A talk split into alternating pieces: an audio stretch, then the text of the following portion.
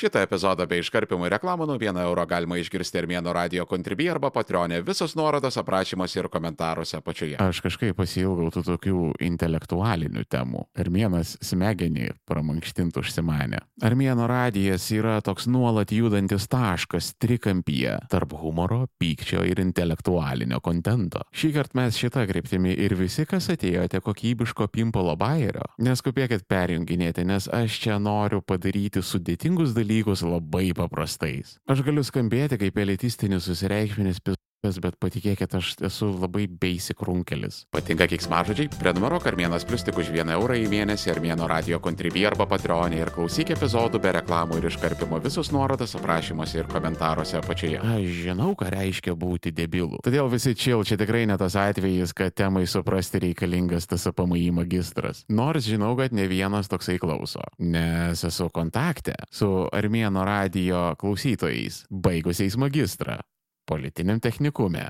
Iš penkių raidžių. Čia Sigburn ką tik buvo. Tai žodžiu, šiandien padarysim biški laisvės TV. Only like not lame ir su fantazija. Ir humoru, kuris actually yra jokingas. Aš nežinau, šiandien aš nesivaldau, kažkas manyje prabunda, kai aš permėgau su tavo mama. Atsiprašau, nieko savo šiandien negaliu padaryti. Taip, ponė, intelektualinis kontentas šiandieną. Tik tai pradžioje aš jūs norėčiau įspėti vienu labai svarbiu klausimu. Šitą turėtumėte visą laiką laikyti mintyje, kol klausysite šito epizodo. Ir dalykas, kurį jums reikia suprasti, yra tas, kad aš esu dalba. Aš, žinoma, esu kompetitingesnis komentuoti šituos dalykus negu pusė tai darančių interneto žmonių ir ta kompetencija yra ne iš to, kiek aš žinau, o labiau apie tai, kad aš suprantu savo apribojimus. Ir jums juos reikia irgi suprasti. Aš esu čiuvakas, protingas čiuvakas, žingeidus, smalsus, turintis gerų pažinčių, kurie man gali tiksliai paaiškinti labai sudėtingus dalykus. Man yra lengviau susidėlioti pasaulio vaizdą vaizdą negu daugumai žmonių. Tačiau jokiais būdais aš nesu kažkoks pateikimas informacijos šaltinis. Ir gink dievę, prašau, nepagalvokit, kad aš daug kažką suprantu. Nes aš galvoju, kad aš šiek tiek žinau apie pasaulį. Yra žmonės, kurie apie pasaulį žino žymiai daugiau už mane. O dauguma žmonių apie pasaulį nežino atvirai nieko. Ką aš čia labai sudėtingai bandau paaiškinti tas APMI žmonėms, kad aš Esu debilas. Turiu charizmą, kalbos dovaną ir barchatinį baritoną, todėl galiu skambėti belenkai protingai, bet totaliai nesu. Tai žodžiu, viską, ką aš dabar papasakosiu, tai bus viskas grubiais štrichais. Labai sudėtingi dalykai, kuriuos supranta labai protingi žmonės, kuriuo aš iki galo nesuprantu, bet sugebėjau savo kažkaip supaprastinti iki to lygio, kad mano primato debilo beždžionės smegenys sugebėtų priimti tą labai sudėtingą, labai protingų žmonių informaciją. Bet tame suspaudimo procese, kad visas tas didžiulis dalykas galėtų sutilpti į mano labai ribotą kaukolę, tai to suspaudimo procese metu pasimetė daug dalykų. Dėl to, kad dar kartelį pakartosiu, nes žmonės dažnai girdi, bet neklauso. Kartokim paskui mane vaikai.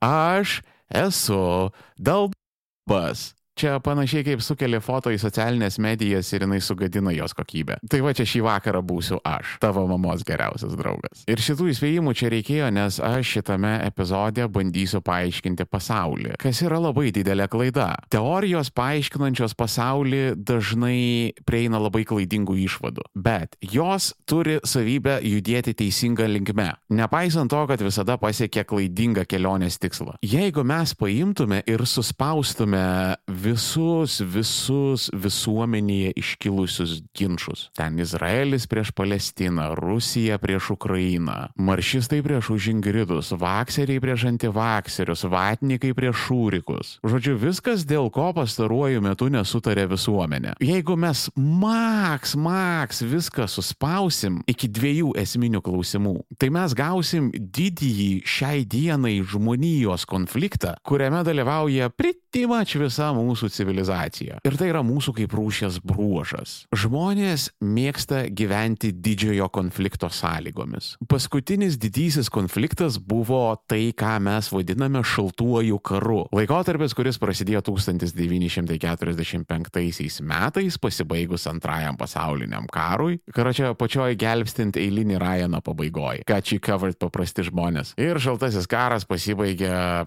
89 metais, sakysim, tai buvo pabaigos pradžia, kada sugriuvo toks daiktas pavadinimu Berlyno siena. Jei kažkas nežinot, po nesigilinkit. Daug usuotų vokiečių su maletais ir skorpionsai parašė dainą. Anyway, šaltasis karas. Amerika prieš Rusiją arba NATO prieš socialistinį bloką, kad tas apamai žmonėms galutinai neiškristų monokliai. Nu, jeigu super moksliškai mes pasižiūrėtume į šitą dalyką, tai turbūt ateitėtis istorikai kalbės, kad dar nesibaigęs yra šaltasis karas. Čia, žinot, kai pasibaigė antras pasaulinis karas 45 metais, gelbstint eilinį Ryaną pabaigoje. Tai ten dar imperinės Japonijos kareivių ramiojo vandenino salelėse gaudydavo dar iki pat 70 kažkėlintų metų. Tie žmonės sėdėdavo ir terrorizuodavo ten lokales vietos čia buvių populiacijas dešimtmečiais. Nes galvojo, kad antras pasaulinis karas nesibaigė, ta prasme niekas jiems nedavė įsakymų stand down ir jie ten tiesiog toliau kariavo, iki kol juos iškrapštydavo. Tai va antrasis pasaulinis karas formaliai baigėsi 45 metais, bet vietomis tęsiasi ilgiau. Lygiai taip pat šaltasis karas tebesitėsi. Ir šaltuoju karu buvo sprendžiamas vienas didelis konfliktas. Kažkas sakys komunizmas prieš kapitalizmą, kažkas demokratija prieš diktatūrą, kažkas rytai prieš vakarus, Amerika prieš Rusiją, NATO prieš Varšuvos paktą, bet visa tai yra smulkesni dalykai, už kurių susideda didesnė dėlionė dėlionę. Ta dėlionė yra vienas esminis konfliktas, kuris buvo toks, ar visuomenė turi teisę spręsti savo likimą. Kitaip tariant, demokratija legit ar ne legit. Ir kai kur tas konfliktas yra visiškai išspręstas, tarkim, Rytų Europa, kuri visai neseniai buvo sovietinio bloko viduje priešingoje argumento pusėje. Dabar rytų Europą po 30 metų sako, jo, demokratija yra legit. Taip, jinai ten vietom yra biški paklydusi, bet tokio didelio atriedėjimo atgal, koks yra įvykęs Rusijoje, iš demokratijos tiesiai į diktatūrą ir prasidėjus karui Ukrainoje, tai tokia diktatūra, kuri biški totalitarizmu pakvipo. Vienas ką paramos fondas jau užtiso daugybę orkų šventoje Ukrainos žemėje, bet tų orkų yra daug ir mums labai reikalinga jūsų pagalba juos pitti. Pitti orkus kartu su vienas ką paramos fondu fondu donate.onekfund.org arba ieškokit nuorodo komentaruose apačioje. Ačiū Jums labai. Vienas ką paramos fondas. Mes visus išpildėme. Tai šitų dalykų rytų Europoje nėra baisiai daug. Ir pas mus argumentas, kad demokratija legit nugalėjo. Ir dabar mes turime šito argumento atomasgą, kuri turės išsiveikti ir galutinai įrodyti, kad ne, diktatūros nėra legit, nes demokratijos yra legit. Ir visos diktatūros feilina ilgoji laiko laikotarpiu, todėl demokratijos yra legit, nepaisant to, kad jos gali feilinti trumpuoju laikotarpiu. Ir lygiai kaip vienos epochos jos taip perauga organiškai. Nėra taip, kad vienas laikotarpis baigėsi, kitas laikotarpis prasideda tarsi paspaudus mygtuką. Tarkim, žlugo Sovietų sąjunga, bet aš, kaip žmogus matęs tą laikotarpį savomis akimis, galiu patvirtinti, kad Lietuvoje Sovietų sąjunga užsibuvo dar 5-6 metų po jos griūties. Tai čia lygiai taip pat vienas didysis argumentas užsibaiginėja, kitas didysis civilizacinis argumentas prasideda. Ir naujasis didysis ginčas skambės taip - tapatybė yra įgimta ar įgyta. Ką noriu pasakyti klausimu tapatybė įgimta ar įgyta? What do I mean yra, tarkim, paimkim žmogų. Žmogus gimsta biologiniu vyru. Ir tradiciškai jo lytis turėtų būti jo tapatybės dalimi. Bet, tarkim, jisai nesijaučia vyru. Jisai biologiškai yra vyras, jis pats supranta, kad yra vyras ir pats išoriškai save identifikuoja kaip vyrą, bet jo tas savęs aš, tas jausmas, kurį mes turim savyje apie tai, kad kas mes. Pas tą hipotetinį žmogų tas jausmas yra ne, kad jis yra vyras, o kad jis yra moteris. Nevaisant to, kad turi XY chromosomą ir vyriškas genitalijas. Bet jaučiasi taip, kad norėtų turėti sultingą ir kvapnę pytą tarp kojų. Tai ok, Dabar šita tapatybė žmogaus kokia? Aš jau, bl matau, kas komentaruose užvirė. Išvirtako ten turbūt daužosi. Tai vad, priklausant nuo to, koks yra jūsų atsakymas į šį klausimą, kokia yra tapatybė žmogaus, kuris yra biologiškai vyras, bet jaučiasi esantis moterimi. Nuo atsakymo į šitą klausimą priklauso, kur jūs stovite dabartinėme didžiajame žmonijos civilizacijos ginče. Todėl, kad viena pusė sako, kad ne, tu gali jaustis moterimi, bet jeigu tu biologiškai esi vyras, tu esi vyras.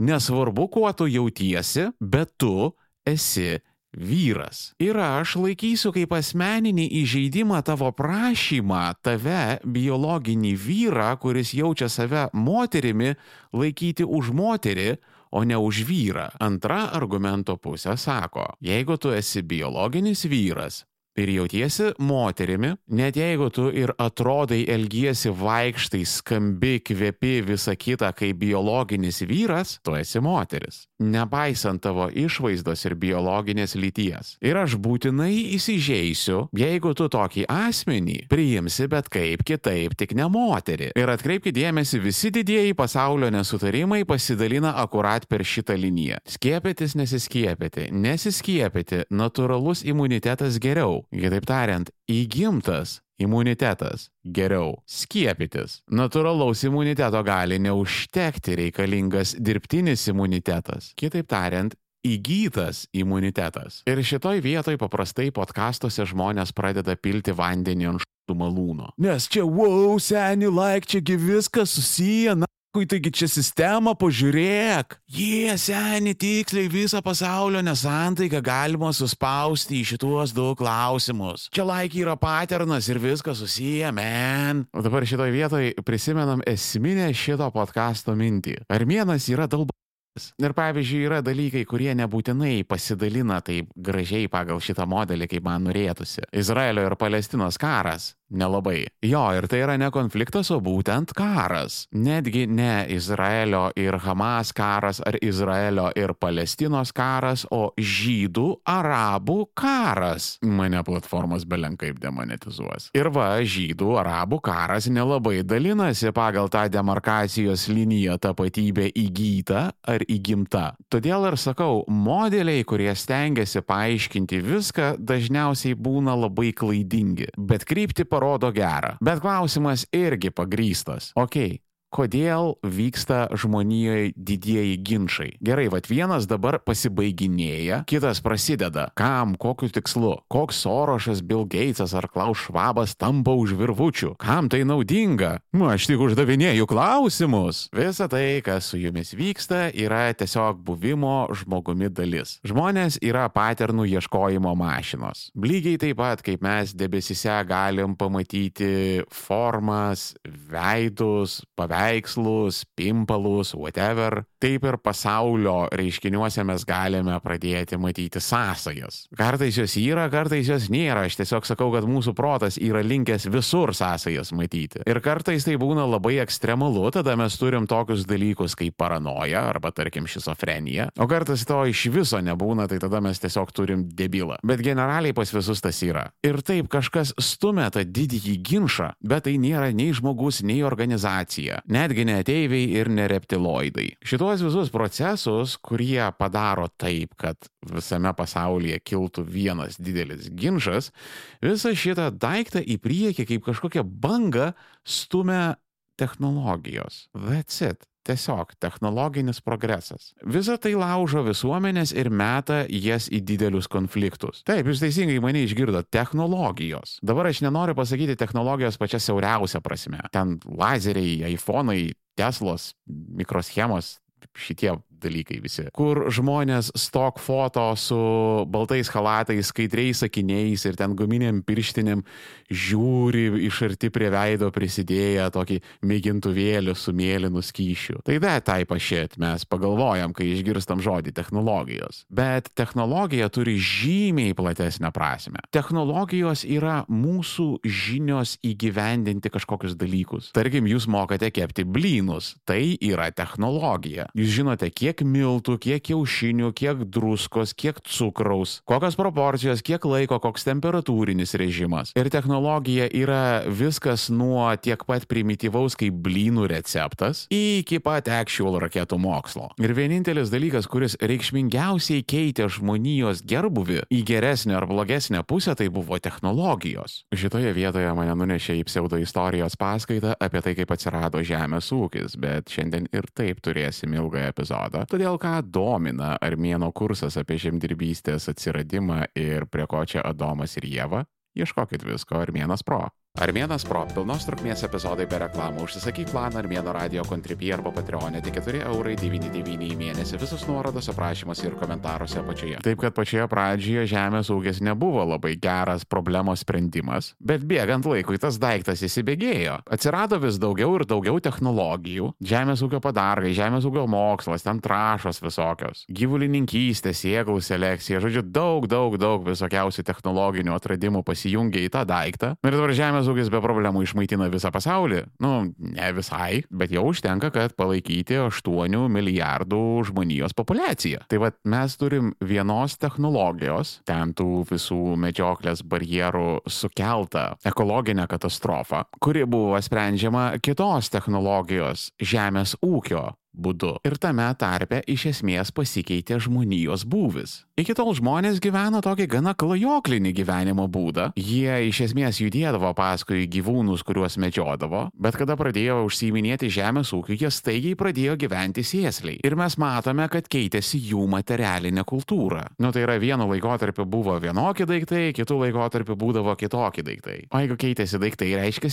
keitėsi juos pagaminusi visuomenė. Nes visuomenė tik tai laiko tuos daiktus, kurie jai yra reikalingi ir kuriuos jinai naudoja. Ir šitas pokytis buvo antiek stiprus, kad to dalyko atgarsius mes tebe turime iki pat šių dienų ir galime atsiversti ir perskaityti šventajame rašte.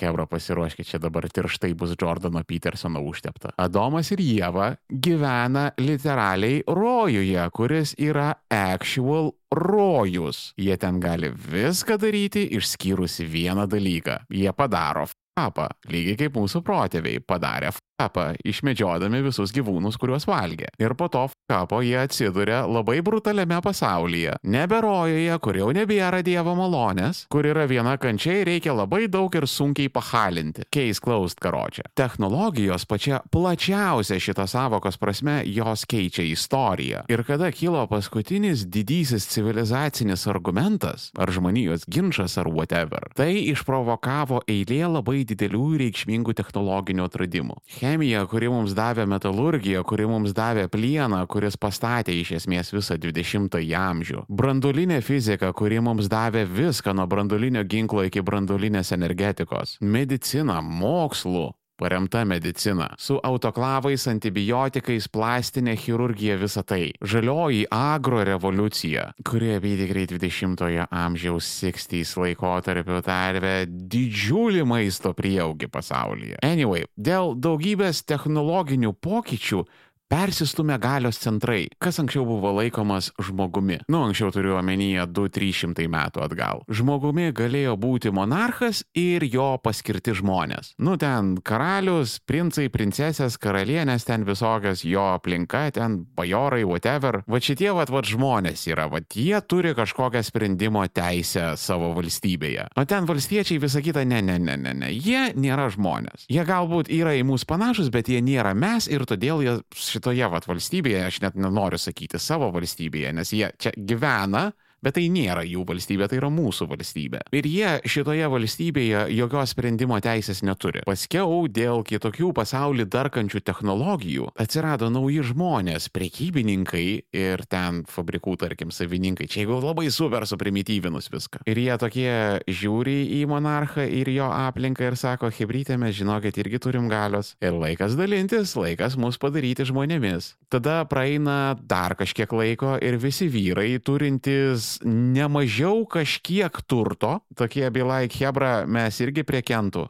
Sorry. Ir tas ratas žmonių, kurie turi sprendimo teisę savo valstybėje ir apskritai yra laikytini žmonėmis, pradėjo plėstis. Ir visa tai vėlgi dėl daugybės komplikuotų priežasčių susiję su technologijomis. Ir galima sudėti vienas ant kito du žemėlapius, vienas demokratijos indeksų, kitas technologinio valstybės pažangumo. Ir mes pamatysim tendenciją, kad kuo pažangesnė technologiškai valstybė, tuo ten yra tikėtina daugiau demokratijos vėlgi ne visur, ne visada su labai didelėmis išimtimis, nes tai, ką aš kalbu, yra super netikslus modelis. Ir žodžiu, long story short, technologijos, technologijos, demokratija, demokratija ir taip mes atsimušame į didįjį ginčą, kuris buvo šaltasis karas. Technologiškai pažangios valstybės buvo už demokratiją, technologiškai nepažangios valstybės buvo prieš demokratiją. Dar buvo tretieji tokie per vidurį, nei ten, nei ten. Tiek technologiškai, tiek demokratiškai ir juos vadindavo neapsisprendusiais arba neprisijungusiais, bet buvo tokia pakankamai didelė trečioji koalicija. Dabar mes stebėm tą patį. Technologijos keičia tai, ką mes galime pavadinti tapatybę. Vadėjimyn armėnai. Tas vyras iš pavyzdžio, kuris biologiškai yra vyras, bet jaučiasi moterimi. Jisai gali praeiti technologinį procesą procesą, kuris vadinasi lyties keitimo operacija. Ir biologiškai jisai liks vyru, jis galbūt nebus toks plaukuotas, jis galbūt neturės žemo balso, pimpalo, adomo obolio, whatever, bet pas jį vis dar bus vyrams būdingos X ir Y chromosomos, jisai genetiškai bus vyras, jo raumenų, jo kaulų struktūra bus kaip tipinio vyro, bet vizualiai išoriškai jisai gali atrodyti kaip belenkokia moteris. Jo išvaizda gali būti kaip dešimkės. Ir okei, okay, čia mes galim labai ilgai ginčytis, kur mes smeigiam tą vėliavą, vis dėlto tai yra vyras ar moteris. Nesvarbu, kaip gerai atrodo. Eikim toliau. Sakykim, tas asmuo gali praeiti dar vieną technologinį procesą - genetinę modifikaciją, kuri kaip balandis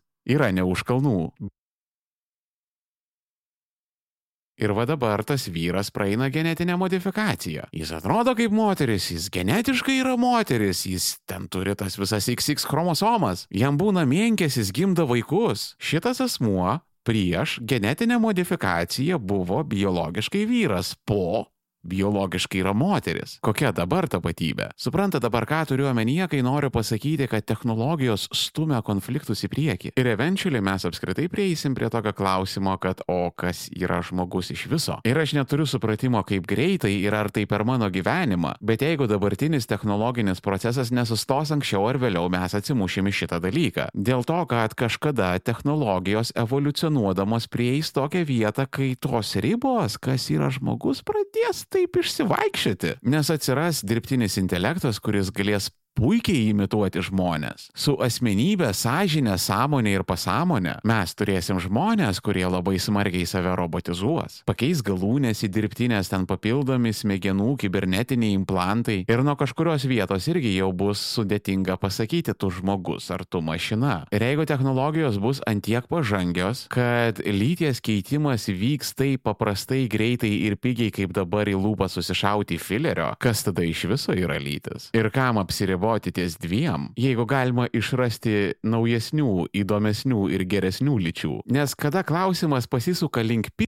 Žmonės yra be ribų išradingi. Visas internetas, kokį mes dabar jį turim, jisai visas yra pastatytas ant pono. Aš jums Hebra visiškai be bairių kalbu. Mes turim tokius dalykus kaip Instagramas, kaip TikTokas, kaip YouTube'as, kaip kitos platformos, į kurias galima kelti foto ir video. Šitie dalykai egzistuoja dėl to, kad kažkas kažkada sprendė problemą, kaip žmonėms parodyti seksą per internetą. Visa internetinė priekyba, visi mokėjimai per internetą, visa tai atsirado irgi dėl po Nes niekas taip gerai nesimonetizuodavo kaip per internetą. Pasiklauskite OnlyFans milijonierių. Ir dabar, kada mes gyvename tais laikais, kada ant nosies mes turime tris labai didelės revoliucijas - dirbtinio intelekto revoliucija, biotehnologijų revoliucija ir visi ten virtualios ar papildytos realybės AR, VR dalykai. Visa tai duos mums iš principo naują būvį. Ten susiformuos naujos kultūros. Ten bus iš esmės pergalvota, kaip mes organizuojame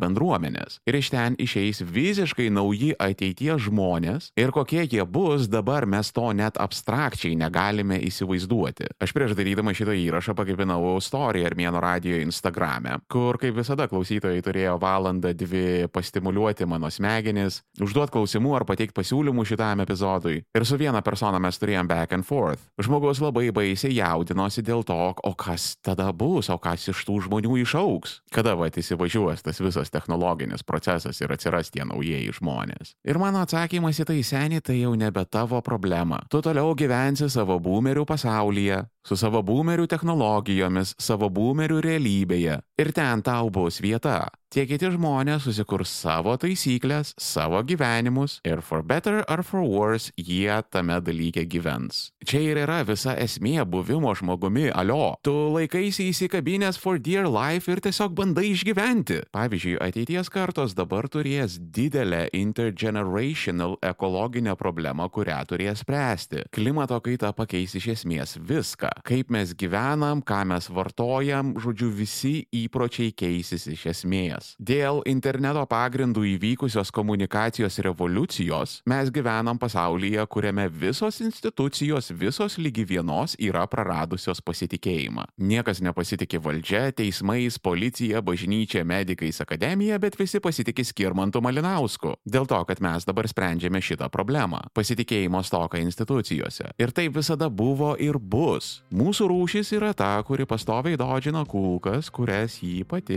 šaudo savo į galvą. Tai visiškai nesikeis, nes tai yra mūsų prigimtyje spręsti vienas problemas ir prisidaryti naujų.